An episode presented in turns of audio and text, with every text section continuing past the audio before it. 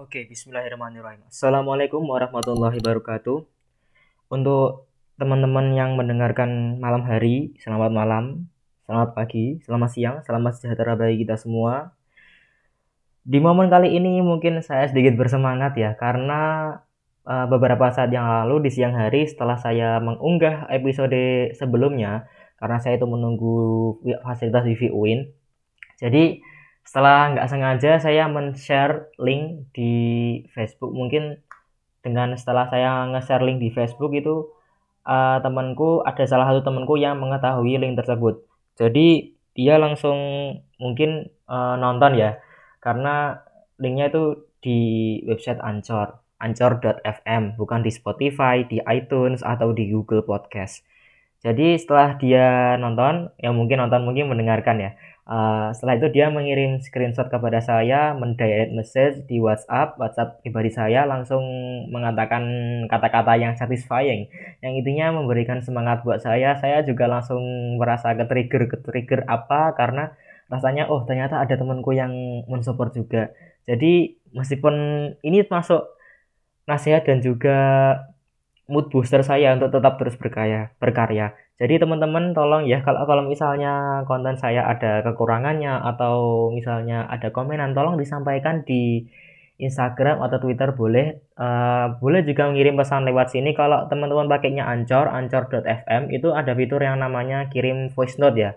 Jadi teman-teman bisa kirim voice note ke saya tentang komenan atau masukan. Jadi bisa membuat podcast episode apa podcast album Your Pal podcast ini menjadi semakin lama semakin lebih baik berproses di sini.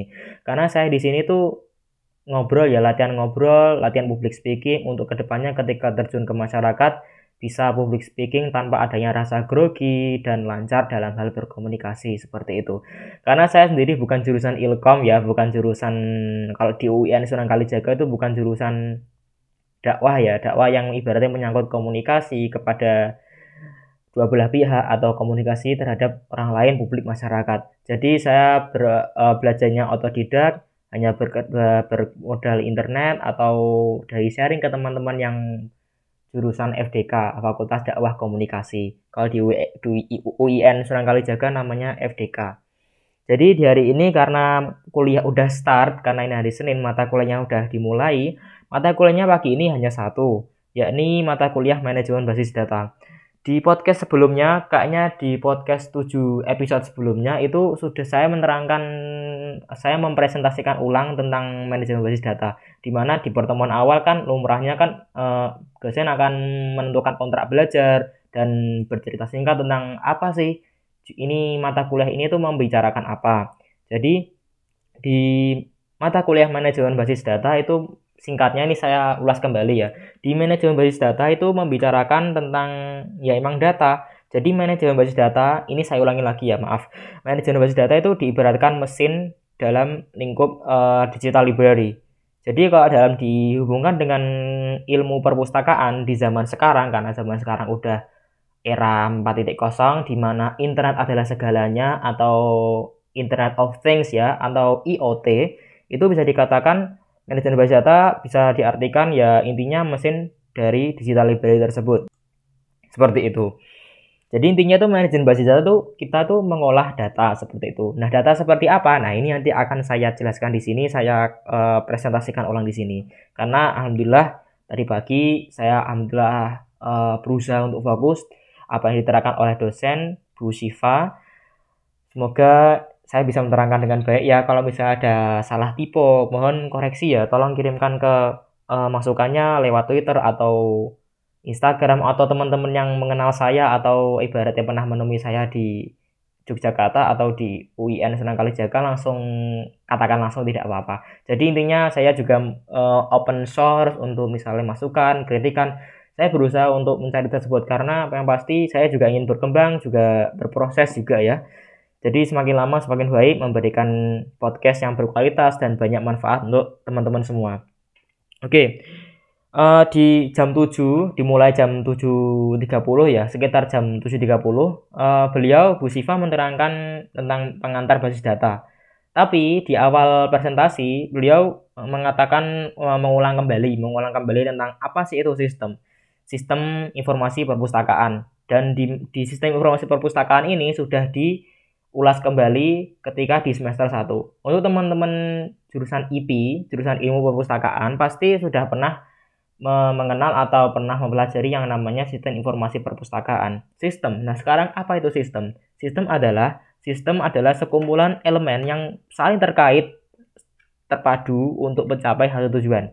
Jadi uh, untuk diibaratkan ya simbolnya tuh sistemku ibaratnya nah tubuh kita. Tubuh kita tuh uh, tergabung oleh sistem. Contoh sistem pencernaan sistem pernapasan. Jadi uh, sistem pernapasan ada subsistem lagi di mana pernapasan juga ada paru-paru alveolus. Jadi ada banyak ini akan menyangkut ilmu kedokteran kalau saya membahas lebih lanjut.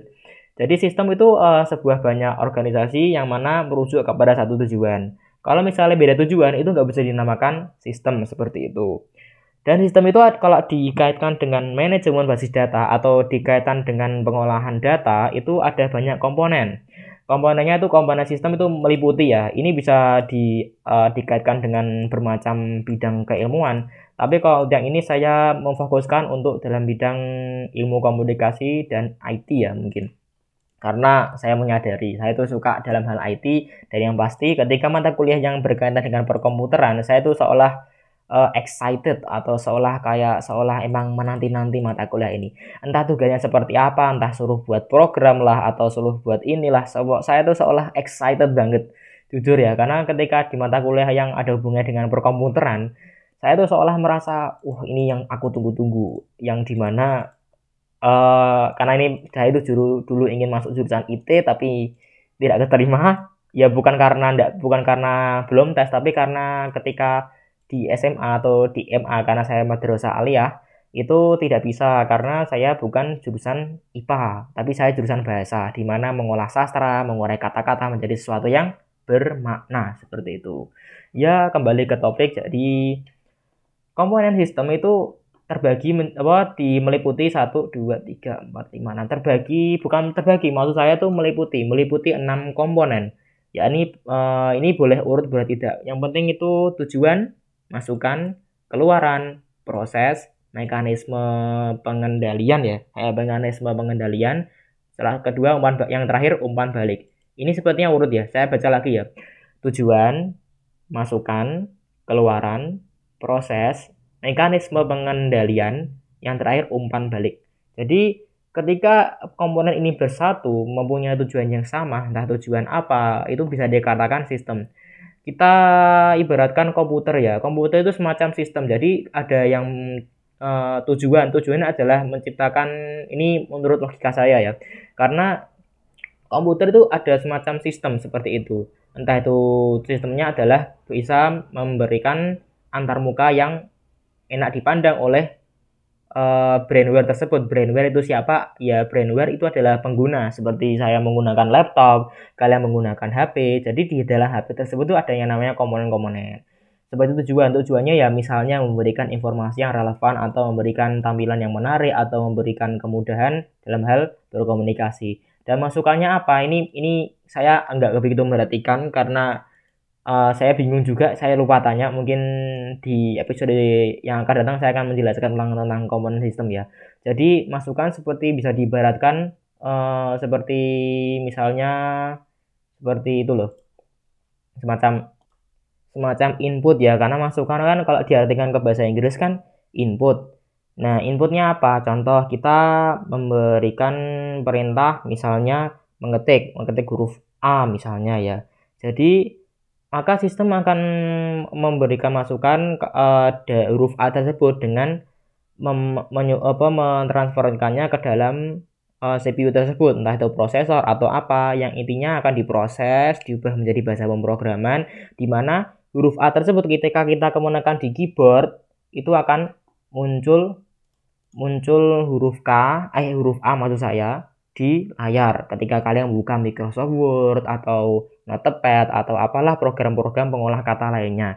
Jadi simpelnya itu sistem seperti itu. Untuk lebih lengkapnya ini saya kurang tahu karena saya juga waduh ada ada pengetahuan yang belum saya ketahui. Mungkin kapan-kapan ini saya akan tanyakan kembali ya untuk teman-teman yang paham tentang ini. Saya juga masih bingung.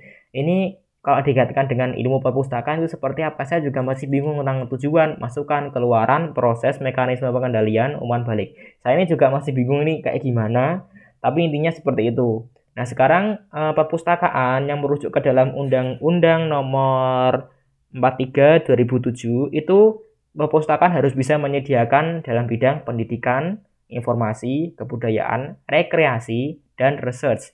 Ini research ini betul apa tidak? Tapi yang penting kalau misalnya ada tipogra tipe uh, salah ketik salah informasi mohon langsung disampaikan ya. Jadi informasi uh, perpustakaan itu harus bisa menyediakan satu dua tiga empat lima. Lima poin bisa menyediakan lima poin yakni pendidikan informasi kebudayaan rekreasi yang, yang dan yang terakhir itu research. Uh, intinya perpustakaan harus bisa menyediakan lima poin di atas sehingga pemustaka atau kita atau masyarakat ketika mencari informasi yang sesuai itu, kita harus mendapatkan informasi atau yang mana katakanlah e, buku ya. Kalau perpustakaan kan bisa dikaitkan, dikaitkan buku di kalau menggunakan paradigma konvensional. Kalau dikaitkan dalam paradigma modern, perpustakaan bisa di, bisa diartikan informasi seperti itu. Jadi kita bisa mendapatkan informasi yang sesuai dengan kacamata objektif. Maksudnya apa? Ya sesuai dengan apa yang kita cari, bukan malah uh, bukan malah uh, sesuai yang mana bisa menimbulkan kita main hakim sendiri atau menjudge salah satu pihak seperti itu. Contoh dalam studi kasus Misalnya pemustaka hendak ingin mencari buku atau referensi yang berhubungan dengan rekreasi. Nah, untuk rekreasi di perpustakaan ini maksudnya bukan seperti hiburan ya, hiburan atau piknik ya. Tapi untuk teman-teman, oh, saya sendiri awalnya itu berpikiran perpustakaan perpustakaan harus bisa menyediakan dalam bidang rekreasi. Ini maksudnya apa? Saya sempat bingung. Maksudnya itu rekreasi itu rekreasi seperti apa?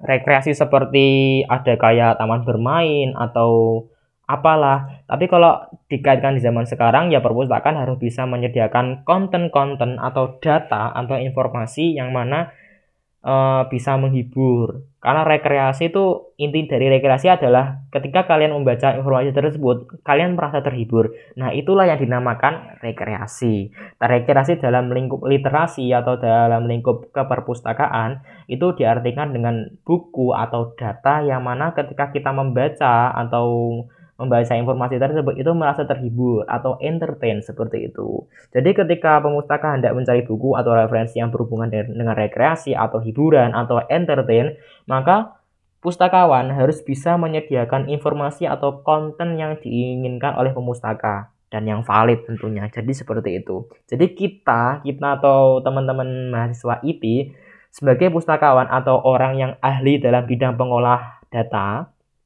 dalam menanggapi era modern ini harus bisa memberikan informasi yang berkualitas.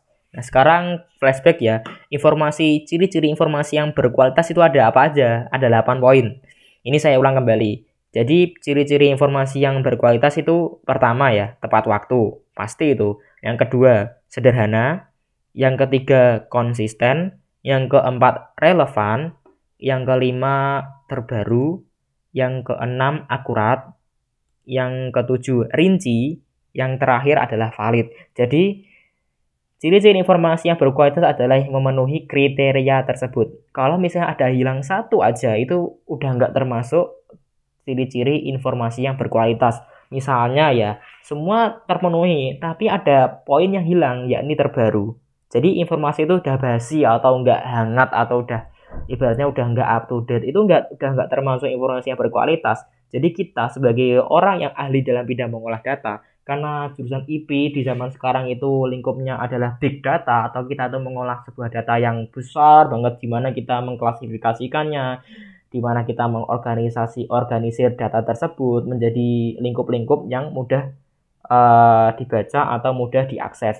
Jadi kita harus bisa mengambil informasi yang berkualitas yang mana disajikan untuk pemustaka atau masyarakat yang mana ingin mencari informasi tersebut. Seperti itu. Karena zaman sekarang itu banyak banget informasi. Di zaman era modern globalisasi seperti ini informasi itu udah banyak didapat kalian dengan ketika megang HP entah kalian menyalakan data atau tidak ketika kalian menyalakan data sekalipun ketika untuk teman-teman yang pakai aplikasi ShareIt ya ShareIt uh, aplikasi yang bisa transfer data menggunakan jaringan WiFi nggak Bluetooth. Kalau dulu kan Bluetooth infrared inframerah itu tapi kalau zaman sekarang kan udah berbasis itu ya WiFi ya. Jadi kecepatannya udah lebih cepat dari Bluetooth seperti itu. Nah untuk teman-teman yang install ShareIt atau semacam UC browser atau Google ya nah Google kan bawaan biasanya.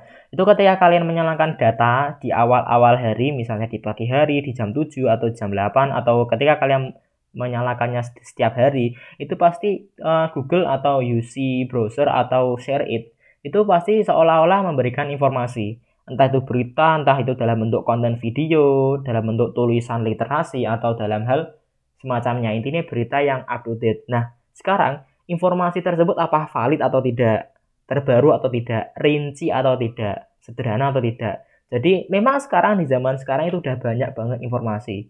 Informasi kayak seolah gampang banget didapetin. Berbeda di zaman ketika HP Nokia layar kuning atau malah HP di zaman sebelumnya di mana informasi itu hanya bisa didapatkan melalui koran. Itu pun koran tersebut harus beli.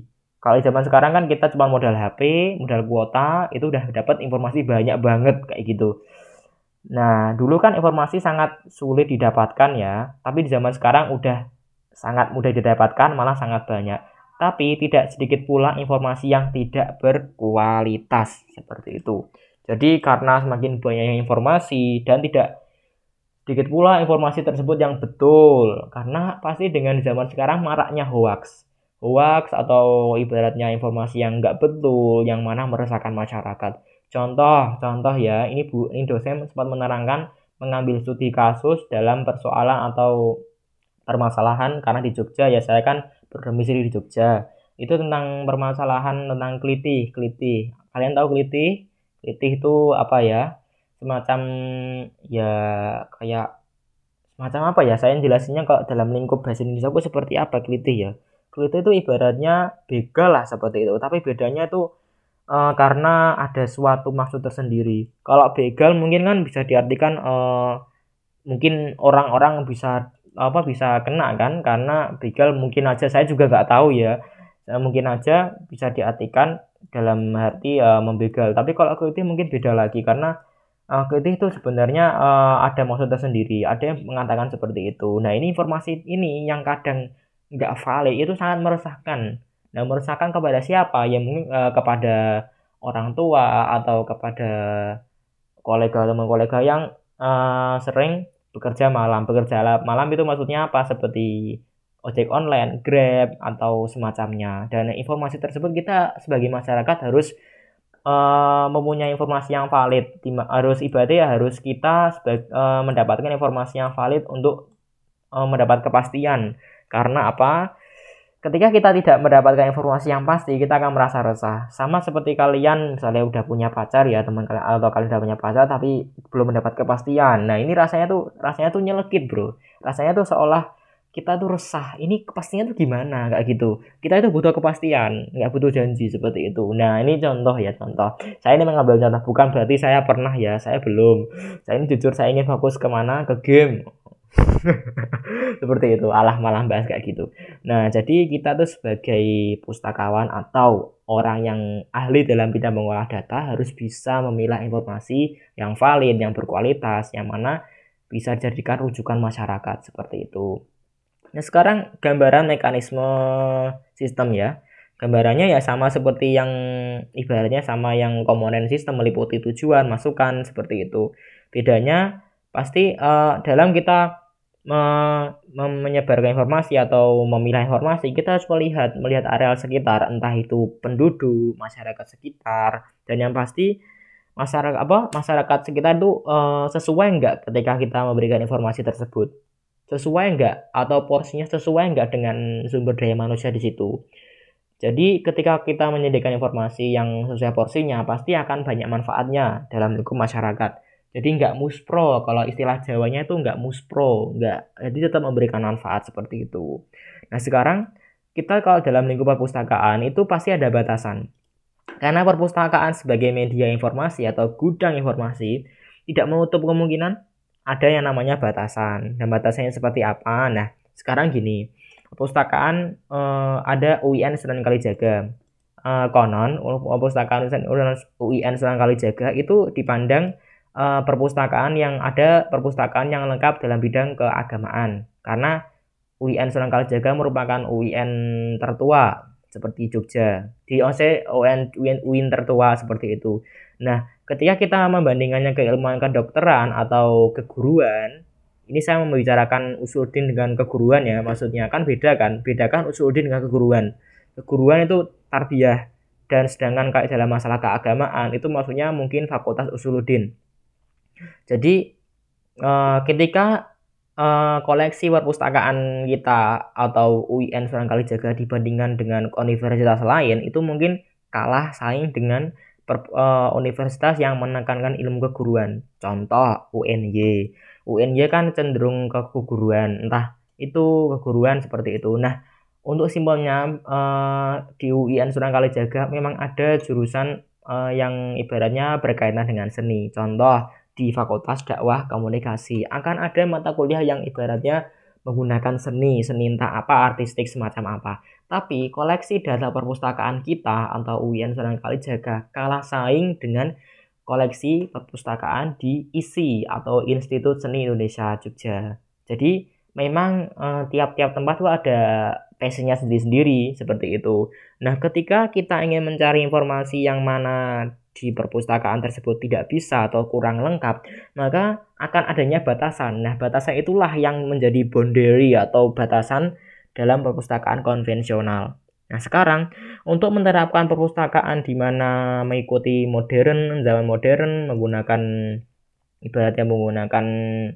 IT, menggabungkan antara sistem perpustakaan yang akan lahirnya perpustakaan digital, maka jadinya adalah tidak ada batasan dalam hal tersebut. Maksudnya adalah ketika kita uh, ingin mencari informasi tentang seni ya, misalnya karena perpustakaan UIN Sunan Kalijaga itu kurang lengkap, misalnya seperti itu, maka perpustakaan harus mempunyai menjembatani, mempunyai jembatan untuk dapat mengakses perpustakaan di isi seperti itu. Nah, jembatan itulah seolah tanpa batas. Ibaratnya tidak ada batasan untuk tetap mendapat informasi seperti itu. Jadi tidak ada batasan untuk mendapat informasi hingga harus menjadi mahasiswa isi seperti itu. Jadi itulah konsep perpustakaan digital di mana kita bisa meminjam buku tanpa harus datang. Itu kan kalau dalam bentuk digital kan. Kalau dalam bentuk yang ada tidak tiada batas seperti ini, ya seperti itu. Perpustakaan digital ya ibaratnya tidak ada batasan, jadi bisa menjembatani. Seolah perpustakaan A perpustakaan dengan perpustakaan B itu digabung. Atau ada semacam jembatan lah jembatan khusus di mana uh, pemustaka punya jalur khusus untuk mendapatkan informasi di perpustakaan lain yang lebih lengkap atau lebih detail seperti itu karena di zaman era ini kan tidak menutup kemungkinan akan terwujudnya tersebut nah ini adalah seperti rencana planning seperti itu ini adalah tantangan uh, kesulitan buat kalian. Tapi menurut saya ini bukan kesulitan, ini adalah tantangan, tantangan atau challenge buat teman-teman mahasiswa IB. Jadi ini adalah challenge, uh, tantangan buat kalian, bukan kesulitan. Jadi ini adalah tantangan karena segala sesuatu pasti adalah ada titik kesulitan seperti itu. Dan kalian harus semangat menghadapinya ya. Buat teman-teman jurusan lain untuk ketika kalian mendapat kesulitan atau mendapat tugas yang memberatkan percayalah itu adalah tugas yang ibaratnya menempa kalian. Menempa kalian yang mana ketika kalian mendapat tugas tersebut kalian akan ditempa. Contoh, kalian mendapat tugas dari dosen kalian untuk meresum buku, meresum buku dua buku misalnya dalam konon dalam kurun waktu sekitar satu semester atau setengah semester setengah semester itu kalian harus ibaratnya itu kalian akan ditempa ditempa untuk rajin membaca melek literasi seperti itu.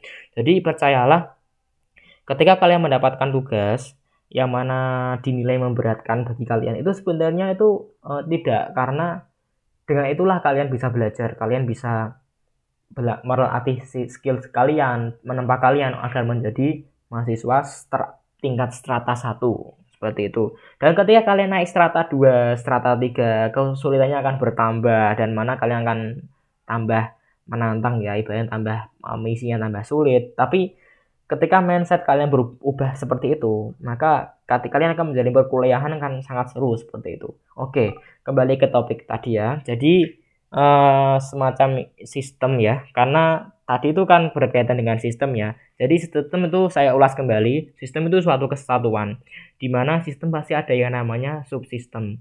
Contoh, dalam sistem komputer pasti ada yang namanya subsistem. Contoh, subsistem CPU, subsistem masukan keluaran penyimpanan sekunder, yang mana subsistem subsistem tersebut bersatu mempunyai satu tujuan. Seperti itu. Jadi ketika ada kerusakan, misalnya ada kerusakan, ada kerusakan entah dalam hal hard disk, maka kita atau atau ketika kita ingin memperbaiki, kita tidak perlu membongkar semua sistem tersebut. Kita hanya perlu membongkar sistem yang bagian penyimpanan seperti itu. Jadi sistem itu subsistem itu bertujuan untuk memudahkan ketika adanya kerusakan atau maintenance atau ibaratnya seperti perawatan ulang seperti itu. Jadi subsistem itu seperti ada sistem lagi yang mana bakal diintegrasikan di mana untuk memudahkan. Memudahkan dalam hal apa? Ya keorganisasian tersebut. Misalnya ada masalah, maka yang yang dicari tinggal oh ini masalah bagian mana, masalahnya bagian mana, bagian ini, ini atau itu. Nah, seperti itu. Nah, kalau dikaitkan dalam ilmu keperpustakaan, sistem informasi perpustakaan punya yang namanya subsistem, yakni contoh subsistem anggota atau katalog transaksi. Karena kalau perpustakaan kan intinya kalau dalam perpustakaan kan pinjam meminjam buku ya kalau dalam pandangan konvensional ya dan yang pasti ada yang namanya uh, sistem uh, yang mana menata anggota seperti itu. Terus ada katalog, contoh OPAC, Open Access Katalog. Iya kan? Kayak gitu kan singkatannya kan?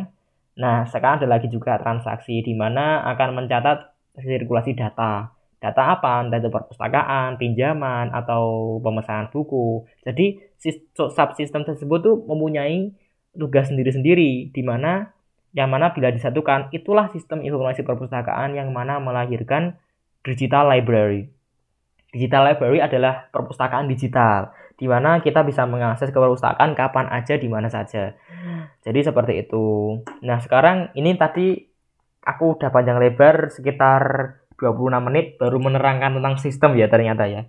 Jadi beliau ini, beliau Bu Siva itu menerangkan tentang sistem yang memflashback semester 1 itu hampir satu jam sendiri. Ini saya potong ada bagian yang saya hilangkan karena beliau cenderung bercerita untuk memberikan gambaran kepada teman-teman teman-teman kelas untuk cepat memahami karena uh, saya menyadari ketika kalian merasa bosan dalam menghadapi mata kuliah entah karena kalian tidak suka mata kuliah nah ya pasti akan merasa lama banget. Rasanya kok ini nggak nggak selesai selesai sih? Kapan sih selesainya? Padahal cuma satu SKS misalnya seperti itu. Jadi seolah ini dosen ini karena memuraka saya merasa dosen ini adalah dosen favorit saya karena saya suka IT terus menjelaskannya juga enak banget ya. Karena dosen senior juga dosen ibaratnya udah sangat talented banget udah emang udah passionnya dalam bidang seperti ini. Jadi beliau sangat uh, pintar mengolah kata di mana ketika melihat mahasiswa merasa bosan atau merasa jenuh mau udah kayak uh, membutuhkan di uh, di brainstorming atau di ibaratnya di ice breaking seperti atau di ibaratnya dikasih kayak kasih kayak energi lagi di mana bersemangat. Jadi beliau memasuki uh, di CCP ada cerita-cerita untuk memberikan gambaran di mana gambaran tersebut ada kaitannya dengan manajemen basis data. Contoh seperti beliau menggambarkan menggambarkan semacam uh, persoalan seperti itu pustakaan harus bisa menyediakan dalam lingkup rekreasi. Jadi beliau akan menggambarkan rekreasi seperti apa. Tapi karena panjang banget ya, jadi saya sulit memaparkannya di podcast ini. Jadi mungkin ini podcastnya merupakan inti-inti sari ya, meskipun banyak ada curhatan lain mungkin ya bakalnya seperti itu. Nah ini setelah panjang lebar ini kita mau memasuki basis data. Jadi basis data. Sekarang apa itu basis data? Basis Basis itu dari kata apa sih? Basis. Beliau sempat menanyakan kepada kita, saya juga uh, teman-teman kelas C, basis data. Basis itu apa basis? Nah, setelah kita kalau kalian cari di KBBI, basis data itu uh, seperti semacam basis kan kalau diambil dari KBBI itu artinya asas atau dasar. Jadi basis data udah ibaratnya berdasarkan data atau dasarnya udah data seperti itu. Contoh UTBK berbasis komputer atau uh, eh, UNBK atau berbasis CBT Computer Based Test. Eh, ya ding. Contoh PBT mandiri, PBT Paper Based Test. Jadi sudah berbasis kertas atau berdasar kertas seperti itu. Nah, sekarang data. Data informasi. data atau informasi itu apa sih data? Apa itu informasi? Beda loh, data dengan informasi itu berbeda. Kalau data itu adalah sesuatu. Ini saya menerangkan data dulu ya. Data itu adalah sesuatu yang menyangkut barang, kejadian, aktivitas yang disimpan dan diklasifikasi. Tapi belum punya makna. Sekarang kita ambil persoalan seperti ini. Contoh, ini beliau menggambarkan semacam misalnya di Fakultas Adab, karena saya Fakultas Adab dan Ilmu Budaya di jurusan IP itu termasuk Fakultas Adab dan Ilmu Budaya. Ada seorang ingin mencari mahasiswa atau mencari orang lah katakanlah mencari orang. Dan di lobby di lantai satu lobby itu ada orang yang sedang main laptop. Menanyakan mas uh, ada mas kenal yang namanya Naufal enggak Naufal. Jadi Naufal itu adalah data. Karena apa? Mempunyai nama menyangkut barang. Naufal kan barang kan saya kan. Naufal kan ibaratnya barang. Manusia itu barang bro. Bukan sifat bukan perilaku. Seperti itu. Jadi Data itu entah itu barang, kejadian, aktivitas, disimpan, diklasifikasi, tapi belum memiliki makna. Kenapa saya artikan belum memiliki makna? Karena ketika data kok belum dikasih makna yang spesifik, pasti akan membingungkan penerimanya. Misalnya dalam studi kasus tadi ya, mencari yang nama seorang yang bernama Naufal. Pasti orang tersebut akan menjawab, Naufal siapa? Terus dia jawab lagi, Naufal yang laki-laki itu loh. Laki-laki? Laki-laki yang mana? Karena nama novel itu banyak pasaran. Nama novel itu banyak. Laki-laki ya ada meskipun mungkin ada yang namanya cewek ya Novalia mungkin ada ya. Ya terus sahabat milipal. Nah kayak gitu. Jadi data itu semacam nyangkut barang disimpan tapi belum memiliki makna yang spesifik. Nah ketika setelah uh, diberikan makna yang spesifik novel yang itu loh laki-laki jurusan IP kelas C semester 2 itu kan udah menjadi spesifik banget kan? Udah jelas banget kan? Udah ibaratnya udah pasti orang tersebut oh orang yang ini. Jadi udah tambah spesifik. Jadi untuk memudahkan uh, memudahkan menerimanya jadi ketika sudah diberi makna yang spesifik jadilah informasi seperti itu jadi data itu yang belum ada maknanya kalau informasi itu udah ada maknanya. Seperti itu. Jadi kalau informasi seperti Naufal yang jurusan IP semester 2 kelas C. Nah, itu udah termasuk informasi. Jadi kumpulan data dari Naufal, kelas C, jurusan IP, fakultas adab. Nah, itu udah termasuk inform data semua. Bila digabung akan merujuk informasi yang spesifik. Nah, itulah informasi seperti itu. Singkatnya seperti itu. Nah, sekarang basis data. Apa itu basis data? E, pengertiannya adalah sekumpulan data yang saling berhubungan, diklasifikasikan, disimpan tanpa adanya pengulangan. Karena kalau pengulangan itu nggak bisa nggak bisa dinamakan basis data. Jadi basis data itu sekumpulan data yang berhubungan ya. Jadi diklasifikasikan, diorganisasikan, disimpan dengan rak rapi tanpa adanya pengulangan. Dan kalau di, kita pandang dengan kacamata modern, kacamata yang modern ya, maksudnya udah menyangkut industri 4.0, itu pengolahannya harus berdasarkan elektronik. Karena semua itu udah digitalisasikan. Semua udah berdasarkan digital kayak gitu. E, contoh penerapannya misalnya kalian mengunggah e, membackup data kalian ke Google Drive, ke cloud seperti itu. Jadi semua udah berbasis data diupload internet udah internet internet of things atau IoT jadi internet adalah segalanya kayak gitu. Segalanya. Itu kalau kita bayar dengan kacamata modern. Nah sekarang intinya gambarannya gambar yang simpel tentang manajemen tentang basis data ya ketika kalian mempunyai lemari ini Bu Siva atau dosen dosen kita dosen kami memberikan gambaran simpel ya tentang lemari ya. Lemari untuk lemari yang gede itu pasti ada bagian rak-rak rak-rak atau ada bagian-bagian tertentu. Atau istilah katakanlah partisi ya. Partisi ibaratnya ada kayak bagian-bagian uh, slot slot tertentu bagian kotak tertentu di mana bisa kita bisa menata baju baju-baju pakaian-pakaian sesuai kita. Misalnya untuk orang yang satu ini adalah atasan. Atasan yang digunakan untuk apa? Misalnya atasan yang digunakan uh, untuk bekerja. Jadi di sini jadi di, di rak tersebut itu adalah pakaian yang khusus untuk bekerja nggak buat untuk tidur.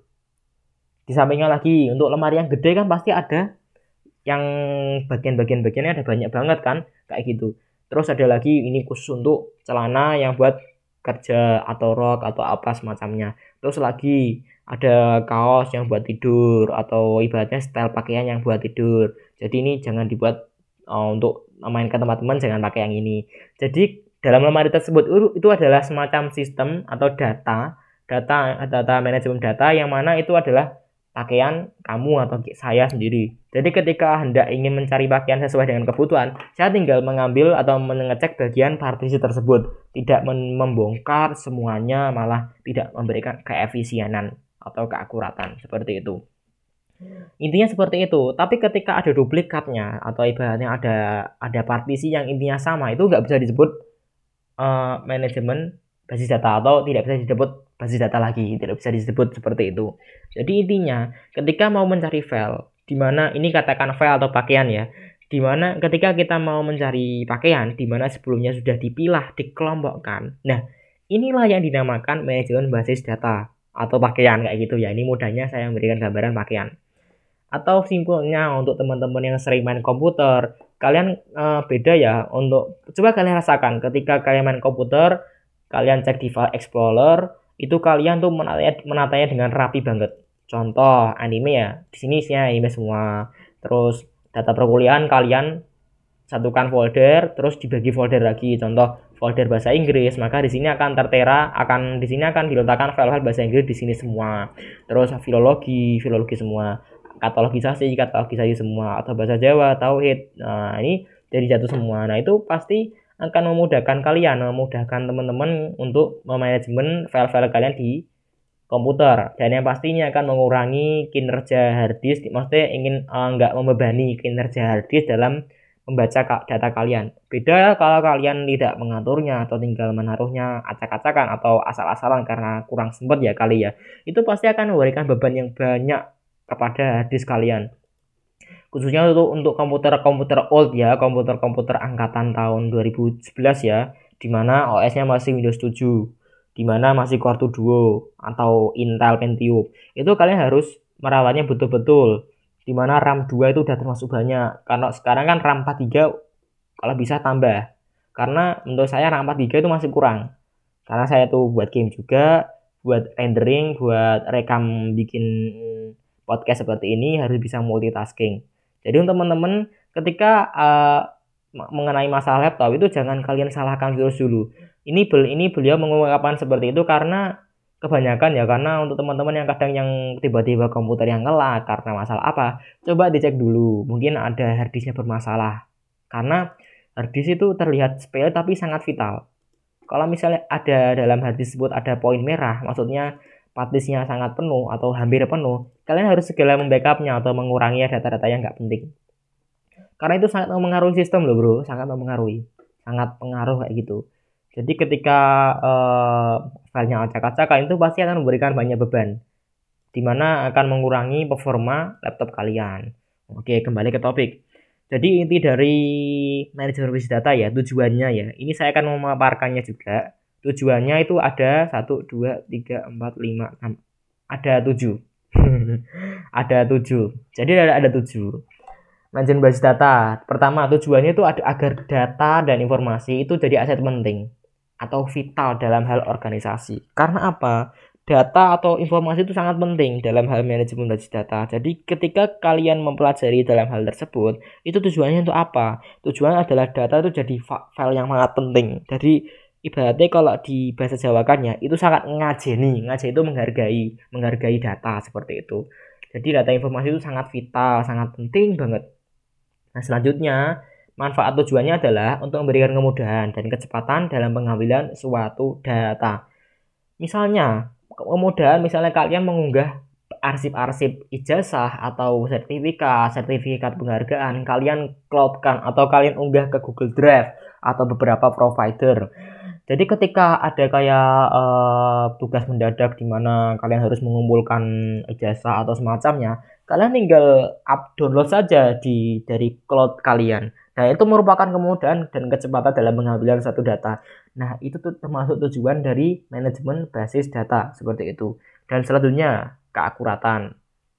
dengan kalian me mengklasifikasikan atau uh, meng, apa gimana memberikan uh, menata lah kayak gitulah menata. Itu akan memberikan keakuratan dalam kalian mencari data. Seperti itu. Dengan file yang spesifik dengan memberikan makna yang spesifik. Misal tugas. Tugas ini diedit tanggal sekian ini sekian. Udah jadi tinggal print. Print. Nah itu adalah kalian akan mem uh, mempermudah atau pasti oh ini tugas ini yang pasti yang harus di print keakuratan akan terjamin ketika kalian menerapkan sistem tersebut.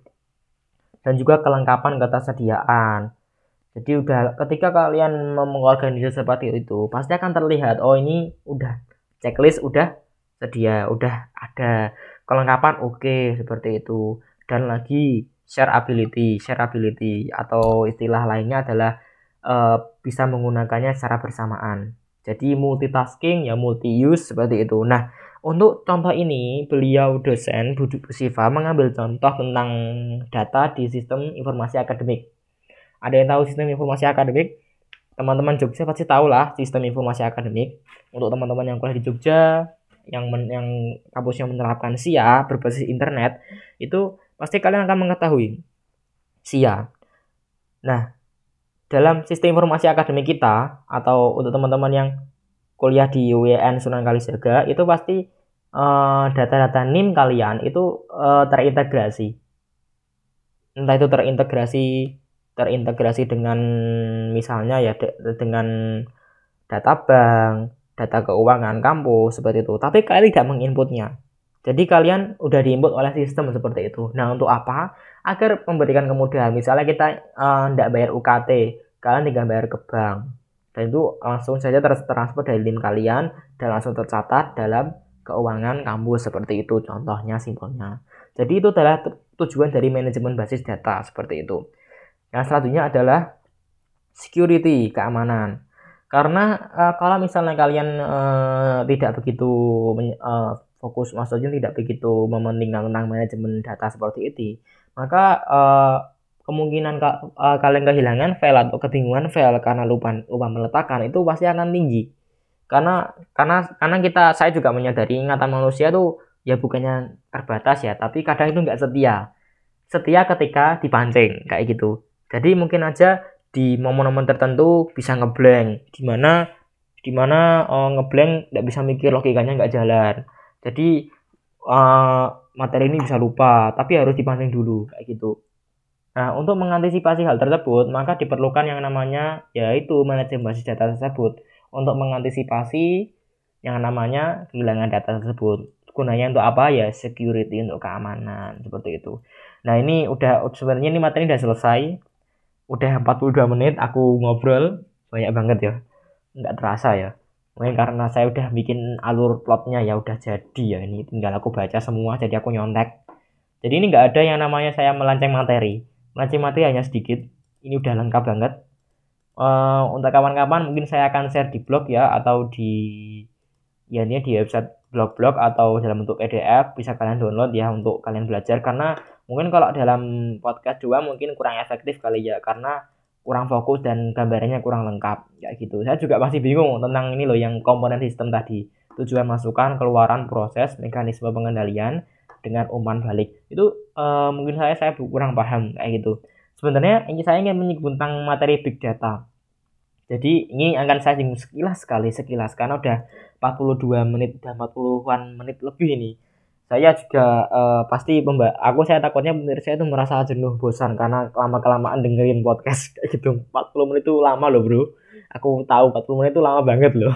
kayak gitu. Jadi big data itu bisa diibaratkan kita itu kita sebagai atau mahasiswa yang menekuni atau mendalami dalam hal pengolahan data, big data di zaman sekarang itu e, karena semuanya berbasis data ya, kita akan mengolah data yang berjumlah miliaran, ratusan, enggak ratusan malah, miliaran, lebih, mungkin triliunan, mungkin lebih. Karena data itu sangat banyak banget. Di zaman sekarang kan e, data mulai didapatkan ya, data yang belum bermakna maksud saya, data atau informasi yang ibaratnya belum diklasifikasi apakah ini memenuhi kriteria atau tidak. Nah, itu kita sebagai mahasiswa yang mana mendalami hal-hal pengolahan data tersebut nggak cuma IP mungkin tentang ilkom mungkin aja bisa ya yang pengolahan data atau orang-orang IT seperti itu itu kita akan yang mana memahami yang namanya konsep big data Big data itu bisa diibaratkan semacam data yang berjumlah triliunan yang akan kita klasifikasikan, kita olah. Di mana akan ada sangkut pautnya kuat dengan manajemen basis data. Jadi manajemen basis data akan kalau dalam ranah besar ya, ranah yang triliunan ya, itu adalah itu tadi. Apa namanya? Big data. Nah, untuk lebih lengkapnya mungkin sudah. Jadi podcastnya podcastnya ini akan ambil saya judul data, what is what it is and how to compile and use. Seperti itu. Aduh, judulnya malah carry-carry. Malah terakhir-terakhir. Yes, intinya seperti itu. Kalau ada komentar mohon langsung disampaikan ya. Kalau misalnya ada ada kata-kata yang kurang mengenakan hati atau ada kata-kata yang tipu atau informasi yang salah mohon langsung disampaikan dalam bentuk komenan atau sertakan komen atau tweet di Twitter saya at IamSidki udah tertera ya di postingan mungkin ya udah. Jadi akhirul kalam. Assalamualaikum warahmatullahi wabarakatuh. Makasih banget loh udah udah setia banget sampai nungguin uh, rela meluangkan waktu sekitar 45 menit demi mendengarkan ini. Makasih banget, beneran makasih banget. Makasih banget. Mungkin besok mata kuliahnya apa mata kuliahnya ya? Eh, lengkap nggak? Jam 7 sampai jam 5 ya? Wes lah lancar-lancar. Oke, makasih loh. Makasih loh ya. Wassalamualaikum warahmatullahi wabarakatuh.